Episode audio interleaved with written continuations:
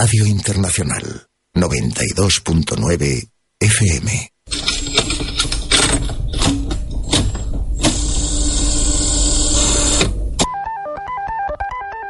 Son las 10 y, mejor dicho, las 11 y 11 minutos de la mañana aquí en Madrid, las 10 y 11 minutos en la Comunidad Canaria y son las 9 y 11 minutos de la tarde-noche en Buenos Aires, Argentina, para nuestros entes de Radio High. Esa sintonía que escuchan es inconfundible. Escuchamos precisamente el sonido de las cintas del desván.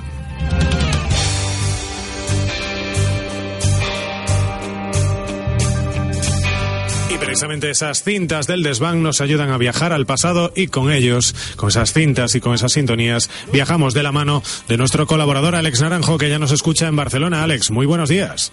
Buenos días, Adrián. Cuéntanos, hoy nos toca ya entrar en nuevo milenio cambiamos un poco, ya sabéis que hemos ido repasando desde 80, mediados hasta 90, incluso toda la semana anterior, y esta semana vamos a prestar muchísima atención a todo lo que pasaba del 2000 hacia adelante, porque aunque parezca que ha pasado poco tiempo, viendo los acontecimientos vemos que en realidad tampoco ha pasado tanto. Hay cosas que pasaron en ese año, en el 2001, y que si ahora yo te las digo, por ejemplo, seguro que te llama la atención y te parecen bastante cercanas. Por ejemplo, Vamos el 2001, año de las vacas locas. Oh, Dios mío, la encefalopatía esponjiforme. Así es, ostras, la has dado en el clavo, en el, término eh, químico y todo. Tú date cuenta que vengo de Galicia y allí la enfermedad de las vacas locas, si bien no llegó a afectar, eh, se veía como una auténtica epidemia que podía llevar a muchos ganaderos al hambre. Sí, de hecho los llevó, ¿eh? porque se montó una crisis social que ríete tú del ébola o de otros eh, errores que se han cometido en el futuro. ¿eh? eh bueno, eh, esto venía a ser a un pienso en mal estado del cual desde los años 80 en España no se daba y por lo tanto estaba prohibido, pero se infectó una de esas reses y a partir de ahí no se discriminó. Directamente se, acabaron, se acabaron yendo al sacrificio muchísimas vacas y eso hizo que el sector eh, primero que la carne de ternera se desplomase durante ese año 2001, hubo una psicosis en que nadie quería comer carne de vaca y que eh, al final hizo que muchos ganaderos perdieran muchos millones de, euros, bueno, de pesetas entonces, y que fuera también la Unión Europea quien al final pudiera acabar de ayudar a esos agricultores que la verdad que lo pasaron muy mal eh, con este tema. Hombre, la verdad es que de, de aquella época, aparte de las imágenes ya clásicas de vacas afectadas por esa enfermedad corriendo con las piernas temblonas y desplomándose en el suelo, me viene la imagen de alguien que todavía sigue en la vida política, de Celia Villalobos, recomendando a los españoles que se hiciesen un caldito. Sí, ostras, sí, sí, sí, sí, cosas de ministros, ¿eh? En fin, eh, totalmente erróneo eh, esa forma de abarcarlo. Pero bueno, era el año 2001, eran otros tiempos, también era el tiempo en el que se firmaba el pacto antiterrorista a petición del líder opositor, entonces José Luis Rodríguez Zapatero en este caso un pacto antiterrorista que tenía como protagonista, por qué no decirlo, a ETA. En este caso, ahora cuando se habla de pactos antiterroristas ya directamente se utiliza el apellido antiyihadista. Ha cambiado bastante el cuento.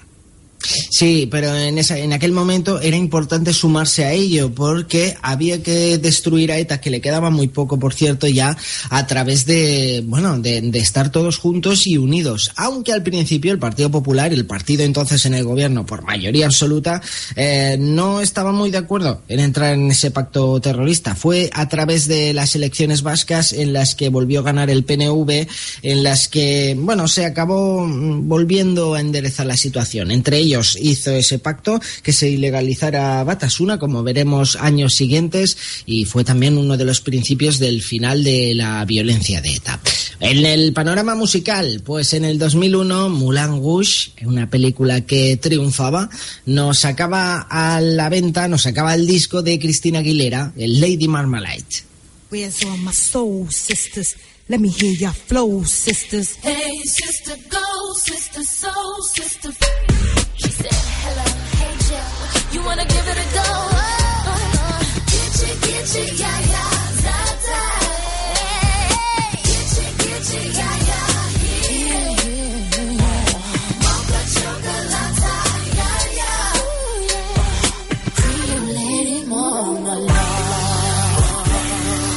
Escuchamos, entre otras, la voz de Cristina Aguilera en esta banda sonora de la película de Baz Luhrmann. Una película que la verdad que dejó huella, era un cabaret aquello, entonces le decían, bueno, tú tienes que bailar y tienes que, que hacer que, que, los clientes estén contentos. Esta canción traspasó fronteras, ¿eh? porque fue una de aquellas canciones que todos recordamos. Fíjate que han pasado 15 años. La verdad es que sí, pero hay determinado tipo de películas y determinado tipo de bandas sonoras, sobre todo cuando se recurre a hacer versiones de temas tan conocidos como este, que al final terminan calando para siempre en determinado tipo de emisoras y que se nos quedan en la oreja. Sí, esa canción en concreto fue escrita por la Bell en 1975 eh, y claro, veíamos pues ese, ese coro de chicas que cantaban esta canción precisamente en esa película y consiguió llegar a números unos como el Billboard y también aquí en España dejando huella en aquella película. Acuérdate de una de las frases, la de Voulez-vous avec moi? Eh, uf, la verdad es que nunca he sido muy de francés, Alex. Traduce. ¿Ah, no? Pues era muy fácil, era que si quería acostarse con ti, conmigo esta noche, decía ah. la frase. Pero es verdad que todo el mundo recordó esa frase en inglés como diciendo, ¿y eso qué significa?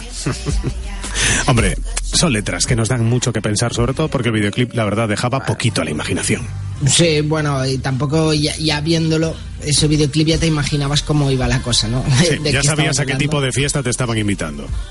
En el 2001 también fue el año en el que George Bush, George W. Bush, hijo, vino a España en visita oficial un presagio de lo que pasaría ya años después. Bueno, al final eh, el presidente norteamericano respaldó al presidente español eh, José María Aznar y eh, bueno, se hicieron muchas cosas en materia antiterrorista. Eh, recordamos que en aquellos momentos las relaciones internacionales mmm, no es que estuvieran del todo correctas, porque en ese, te en ese tema, concretamente en el terrorismo, pues habían, bueno, eh, habían momentos difíciles con, con, otros países que parecía que no había una buena una buena integración de unos con otros. Hacía muy pocos años que Francia había dado su apoyo a España para detener a terroristas uh -huh. en Francia. En este caso tuvimos que esperar bastante para obtener un apoyo similar, por ejemplo, de un país como Bélgica. En este caso, mm, claro, 2001 fue un año crucial para que cambiaran muchas cosas, sobre todo en el terreno del terrorismo. Sí, y también fue el año del estreno de la peli de Shrek. Smash Mouth y I'm a Believer sonaban.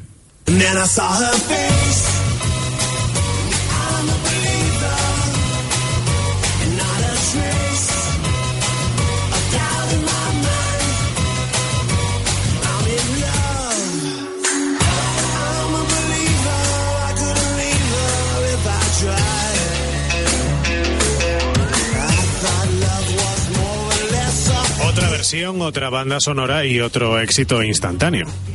Sí, una canción que ya conocíamos, evidentemente, que fue una canción ya de los eh, años 60, pero que se reformaba otra vez. Esta vez lo hacían esta banda de rock y ska, que eran de California, los Smash Mouth, que también los escucharemos en eh, muchas eh, canciones de anuncios, en fin, que era un grupo muy, muy musical. ¿Te acuerdas que hace unos días repasábamos a los Fan Young Cannibals? Uh -huh, exactamente. Decimos, era muy de anuncio. Pues estos, concretamente, los Smash Mouth también.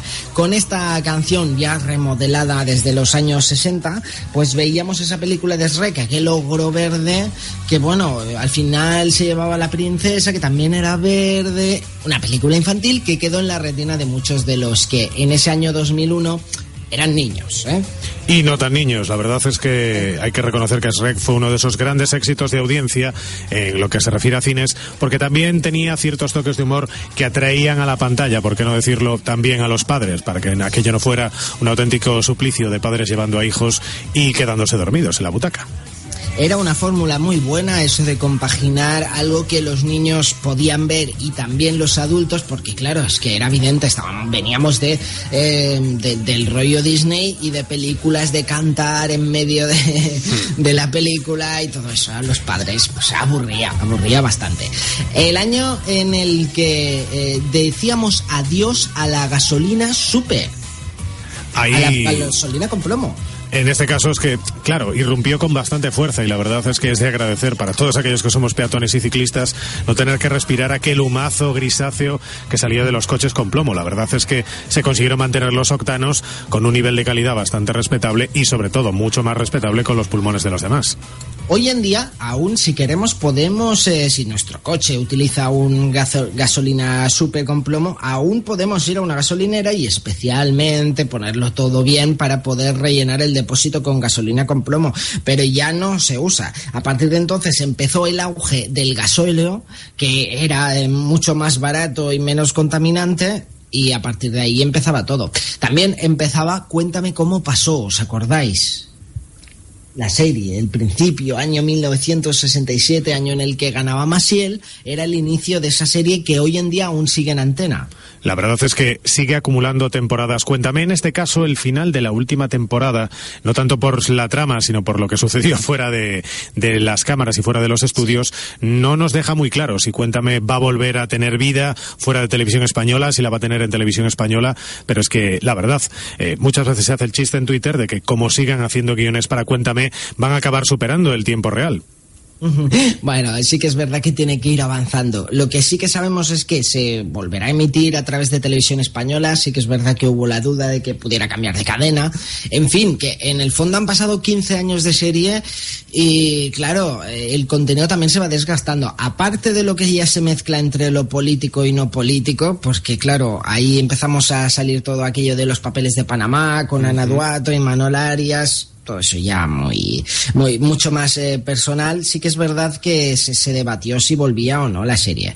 Eh, los personajes de Cuéntame, una familia humilde eh, que vivía en que vive en el barrio de San Genaro en Madrid y a partir de ahí le pasaban un montón de acontecimientos que, como ya decíamos año, bueno, decíamos días anteriores, ¿no? Qué casualidad siempre les pasaba a ellos. Si hay un golpe de estado el 81, pues el hijo de los Alcántara está en el Congreso. Pasaba un poco el síndrome Jessica Fletcher, que allá donde va se provocaba un crimen, pues en este caso allá donde va no Alcántara, suceso histórico para nuestro país. Sucede algo, sí señor. Bueno, eh, hemos visto crecer a esos personajes, hemos visto cómo se iban desarrollando, cómo iban cambiando las tramas. Ahora podemos decir que, bueno, desde que Televisión Española no tiene publicidad, desde el año 2009, eh, es un producto un poquito más difícil de rentabilizar. Claro, ya no se alimenta de publicidad directa, sino indirecta. Y bueno, hemos visto una serie que la verdad que con 15 años podemos estar contentos de que tengamos una serie que hable de historia y que aún resista después de 15 años. Es bastante extraño que un producto audiovisual español resista durante tanto tiempo entre las preferencias de sus televidentes. La verdad es que eh, no solamente son pioneros por eh, esa manera de hacer un formato histórico, sino que han abierto luego camino para numerosas series, ya no solamente de televisión española, sino también de otras cadenas de nuestro país que han tirado por ese formato con mayor o menor suerte. Bueno, la ventaja de Cuéntame cómo pasó es que, eh, bueno, en principio se tenía que llamar Cuéntame solo pero fue demandado y al final tuvieron que cambiar el nombre por Cuéntame cómo pasó, por cierto. Eh, la ventaja de, esta serie de televisión es que gracias a ella pues hemos podido aprender muchas cosas de la historia en España y que al tener tantísimas repeticiones yo tengo amigos de todas las edades que, que, lo ven eh, por la madrugada o en cualquier otro momento y han aprendido mucho sobre historia. ¿eh? Hombre, es una manera de manera así, ¿por qué no decirlo? Bastante didáctica de que te vayan poniendo al día de lo que sucede, aunque al final, ¿por qué no decirlo? Las tramas son más importantes que los sucesos, ¿para qué nos vamos a engañar? Sí, luego ya vemos el salseo habitual de toda serie de televisión. Eh, bueno, año 2001, a nadie se le escapa, unos hechos trágicos que se vivieron en directo en la televisión un mediodía del 11 de septiembre del 2001. Al parecer, una avioneta acaba de estrellarse en Nueva York contra las conocidas Torres Gemelas. Ahora, de repente, una explosión. es que otro avión volando muy bajo, otro avión parece que se ha podido lo que aprecio desde aquí a salvo fuego y humo no, no la, la, otra torre, Ricardo, la otra torre, ha impactado en la otra torre. Caray, Alex, la verdad es que me has hecho viajar 15 años atrás. En ese mismo instante estaba tumbado en el sofá de casa de mis padres, en Ourense, pasando las vacaciones de primero de carrera, y recuerdo estarme quedando dormido con la voz de Matías Prats y despertarme precisamente también con la voz de Matías Prats eh, en el momento en el que impactaba el segundo avión en las Torres Gemelas. Eh, seguramente muchos de nuestros oyentes recuerdan también dónde estaban cuando se estaba produciendo precisamente este atentado del 11 de septiembre.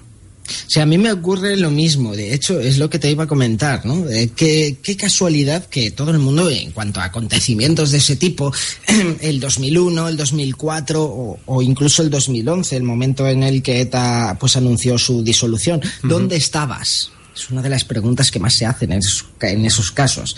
Eh, también eh, era momento de mediodía y era momento de, de sofá para muchísima gente. Eh, recuerdo haber visto aquellas imágenes y entonces mm, claro, acostumbrado al terrorismo de ETA, yo me acuerdo que lo que preguntaba, al ser bastante joven e inocente, y bueno, ¿y qué? Si aquí también pasan esas cosas, no, no le veo cuál es el problema, ¿no?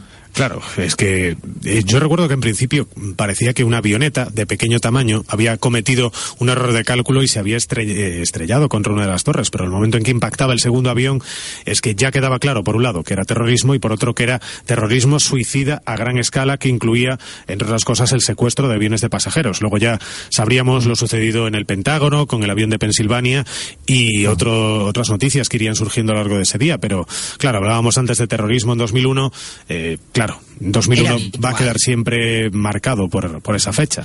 Además, una de, de los eh, de lo grave de esto de, de, estos hechos es que esto había pasado en Estados Unidos. Uh -huh. Realmente, si hubiera pasado en cualquier otro país, que con, sin, a lo mejor sin tanta importancia como Estados Unidos, pues eh, no se hubiera tratado de la misma forma, seguramente. Bueno, sabemos todos cómo, cómo fue, porque se ha hablado muchísimo. Los americanos a partir de entonces empezaron con la psicosis del 9-11, 9-11 por aquí, proteger el Estado de un ataque.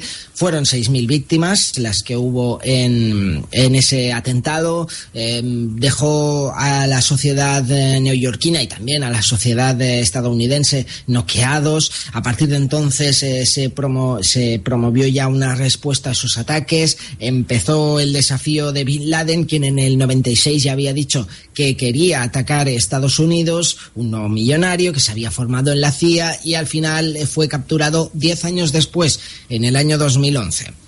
En este caso sería capturado a la vista de todos en Abbottabad, en Pakistán.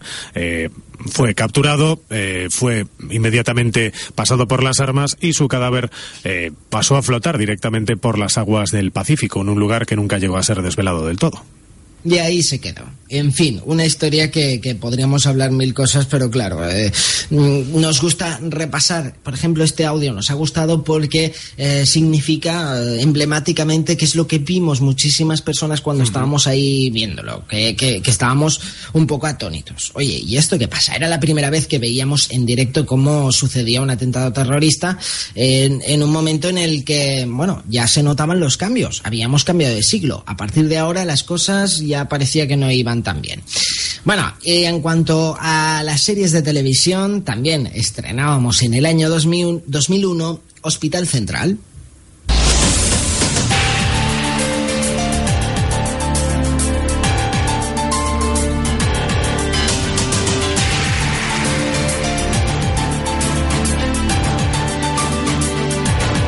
El otro día de periodistas. Hospital Central es otra de esas series centrada en una profesión muy concreta, en los profesionales de la salud, que también es una serie que ha conseguido grandes índices de audiencia y que ha permanecido durante mucho tiempo en las televisiones. Mm.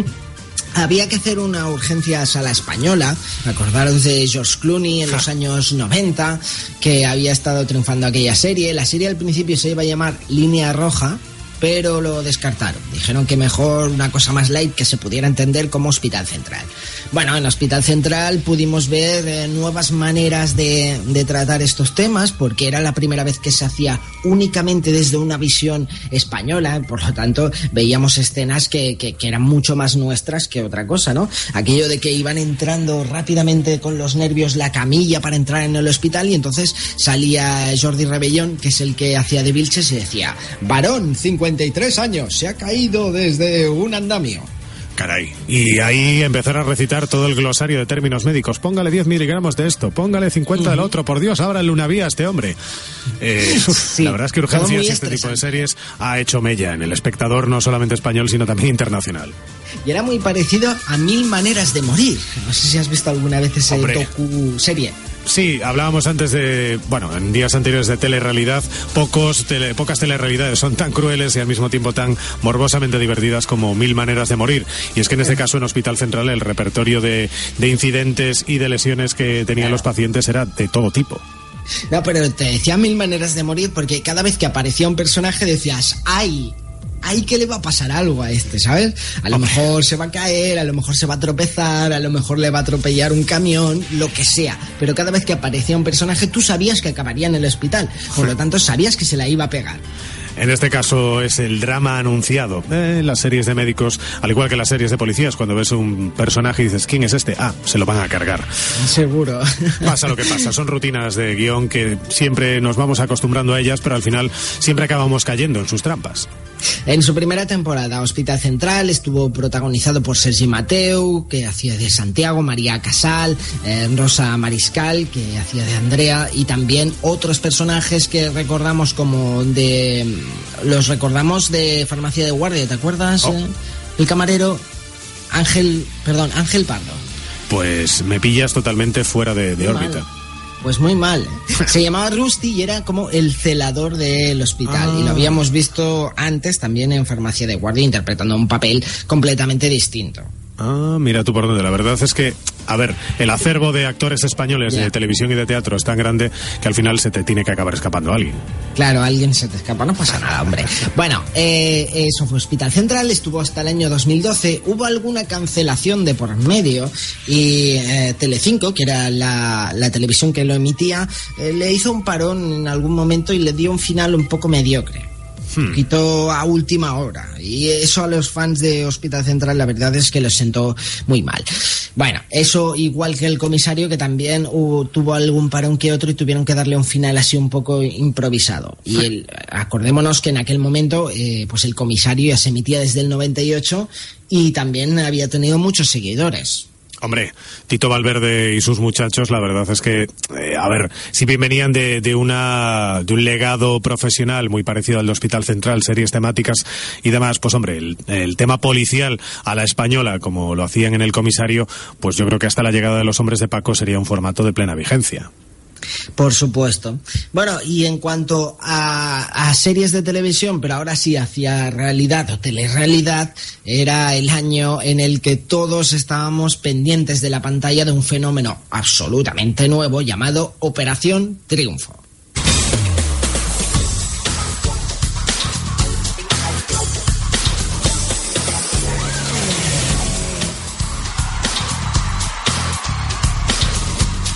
La sintonía energética con la que empezaba Operación Triunfo, eh, precisamente un programa que haría historia porque, sobre todo en su primera promoción, consiguió un grupo de, de artistas que aún a día de hoy siguen siendo de los más nombrados de nuestro país. Y vamos, no te voy a pisar los nombres, pero alguno de ellos eh, sigue siendo hoy de los más vendidos de nuestro país. Sí, David Bisbal, Rosa López, David Bustamante. Bueno, es que al principio entraron unos cuantos que, que eran 12, 13, que la verdad que todos sacaron disco. ¿eh? Eh, Operación Triunfo fue un formato muy parecido al Popstars que entonces eh, sonaba en el resto del mundo. Venían unos cuantos artistas, se les formaba y por lo tanto sacaban un disco. Pero he de decirte que Operación Triunfo como tal fue pues una producción que se hizo para rellenar un hueco que había en televisión española. En ningún momento se pensó que aquello tenía que ser un formato que pudiera durar años y años. Mm, al final se consiguió a través de, de diferentes productoras y al ver el boom que todo el mundo, pero todos los participantes sacaran por lo menos su disco. El premio de Operación Triunfo era pues salir en el espectáculo de Eurovisión, representar a España en Eurovisión. Y pasó, porque la ganadora del, del programa fue Rosa López, Rosa de España, la llamaban, y sí, ¿te acuerdas? no? Hombre, por supuesto. Era una chica que, que bueno, eh, tenía sus kilos de más. Entonces, claro, todo el mundo empatizó mucho con ella y a partir de entonces tenía un bozarrón, ¿eh? las cosas como sean.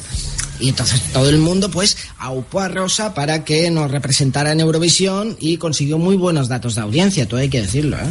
En este caso es que, bueno, Rosa López a día de hoy continúa siendo una artista muy reconocida en nuestro país, sigue sacando discos, en este caso consiguió una buena participación para España en, eh, en ese Eurovisión, creo recordar que fue quinta, y también es verdad que tenía a cuatro de sus eh, compañeros, a cuatro de los principales, haciéndole los coros. Fue, fue bonito aquel Operación Triunfo. Yo la verdad he de reconocer que no lo seguí mucho porque estaba en la universidad y tenía otras cosas que hacer, pero mm, en este caso sí que es verdad que hay que tener en cuenta que a pesar de que fue Rosa López la que ganó este concurso, eh, de número dos tuvo a David Bisbal que se convirtió en un superventas, no sé si tercero quedó Sí, sí. Bustamante o Chenoa, que también ambos dos han seguido sus carreras con bastante éxito, con lo cual menuda generación de artistas para un programa que en principio iba a ser de relleno.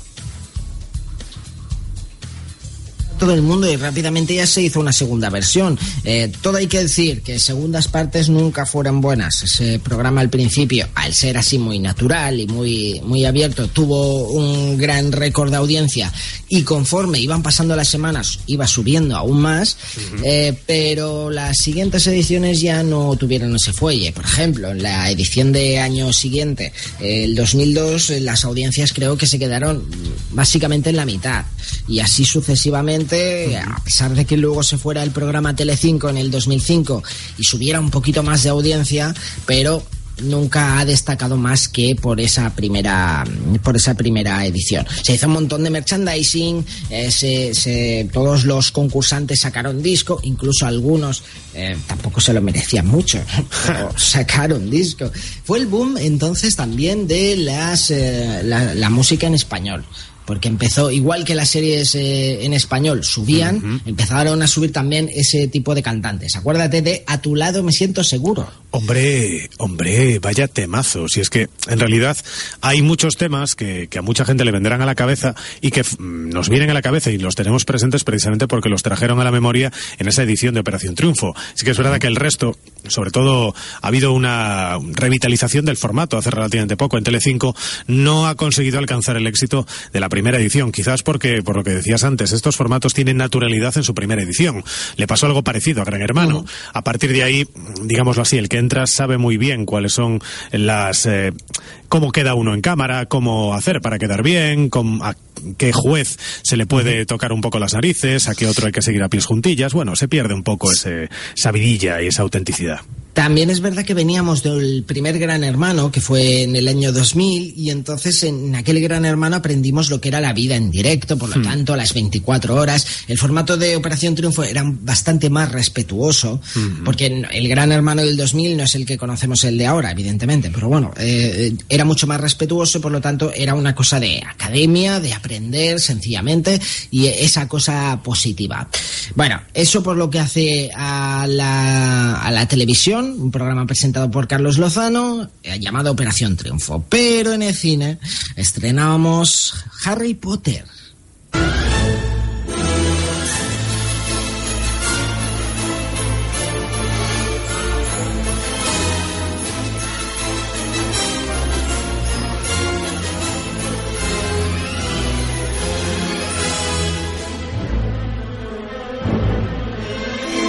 2001 sería la fecha en la que la primera película del Niño Mago vería la luz. Eh, ¿Cuál era el subtítulo de esta película? ¿Era El prisionero de Azkaban, puede ser? Eh, no, la piedra filosofal. Ah, mira.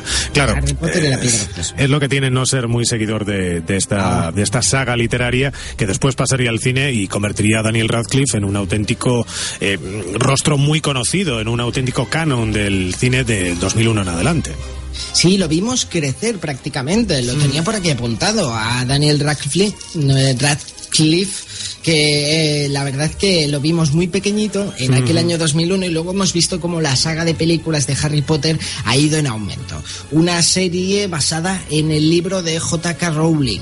Eh, ha tenido un montón de éxito, creo que aún se están eh, sacando discos de, de esta autora y, y todo se ambientaba en una escuela de magia, la escuela de magia de Hogwarts y en el que pasaban cosas impresionantes. Los que habían seguido su libro fueron todos al cine seguro y la mayoría, eh, bueno, pues descubrieron a ese niño mago a través de la película que se emitió a partir del año 2001. Ya era un auténtico éxito de ventas en el terreno literario, pero gracias a estas películas pues se consigue llegar a un mayor número de audiencia. Y hoy en día, ¿quién no tiene a un seguidor de Harry Potter entre sus amigos que de vez en cuando, cuando J.K. Rowling mueve una pestaña o pone un dedo sobre una tecla, mm, entra en auténtico pánico? Sí, seguro que todos tenemos más de uno. Yo recuerdo alguno en especial que, que, le encanta. Eh, lo, lo, tienen ahí, pero vaya. Yo nunca he sido gran seguidor de las sagas, también he de decírtelo. O sea, en aquellos años, El Señor de los Anillos, ahora Juego de Tronos, este tipo de, de cosas tan largas como que me dan pereza. Tú eres más de formatos contundentes, ¿no? De una película, hora y media, dos horas, lo que te cuenten y cuando salgas del cine ya tener las tareas hechas. Bueno, también series, ¿eh? también tengo, también soy de series, pero tampoco no, no, no soy de grandes. O sea, una serie, por ejemplo, que dure más de una hora, se me hace algo aburrido, pesado. Hombre, en este formato yo la verdad es que me suelo ceñir más a los cánones americanos. 20 minutos para una comedia, 40, 45 claro. a lo sumo 50 para un drama y a partir de ahí es donde se te empieza a bajar la pestaña y ahí ya no hay vuelta de hoja. El otro día estuve revisando El Lobo de Wall Street, película del 2013, uh -huh. y película de 2 horas eh, 40 minutos. Pues Caray. tuve que vérmela en dos días, ¿eh? Hombre, a ver, eh, también es verdad que es una de esas películas que tampoco tiene una trama súper rocambolesca que necesites seguir minuto a minuto. Puedes hacerte un paroncito, claro. hacerte un café o que pase un día. Bueno, era bueno. La, la, segunda vez que la veía, ¿no? Pero eh, tuve que verla en dos días porque la verdad es que se me hizo pesado. Se me hizo pesado. Fíjate, ahora que hablamos de series, precisamente 2001 es uno de los años en los que empezó a gestarse precisamente ese gran auge de las series, eh, ya no solamente en nuestro país, precisamente en Estados Unidos. Llevaba ya tres años en antena. Los Soprano, se estaba comenzando a emitir The Wire y si no recuerdo mal en 2001 comenzó una de las series que empezó el fenómeno en España, Prison Break. Dato que te Hostia, lanzo. Te lo, te lo lanzo hacia el aire, aunque me da la sensación ahora mismo que entre más bien 2002 o 2003 que 2001. Pero bueno, ahí lo dejamos. Bueno, nos quedamos ahí en medio, porque como mañana vamos a repasar el 2003, ah, o sea, ya, ya nos viene perfecto. lo dejamos de, de estos breaks que tú dices, pero de Breaking Bad. Oh. Hablaremos, oh, Qué años grande. después, ¿eh?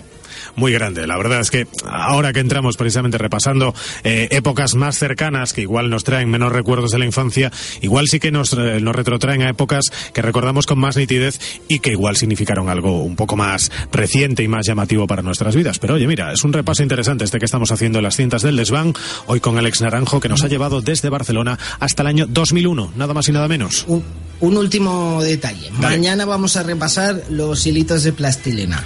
Puf, madre mía del amor hermoso, que me cortas el café, Alex. Mm, en fin, pues ya nada, lo siento, haremos ¿eh? de tripas Pero... corazón, no nos queda otra que hablar hablarlo. del Prestige porque, claro, estas fechas hay que recordarlas precisamente para que no caigan en el olvido la memoria, es un gran Sí. aliciente y en este caso pues lo vamos a dejar en tus manos, Alex. De acuerdo, pues así lo haremos. Y desde aquí, desde Mundo Noticias, edición de verano, de verano, despedimos, como siempre, dándole las gracias, con un abrazo desde Madrid hasta Barcelona a nuestro compañero Alex Naranjo. Alex, mañana más. Hasta mañana.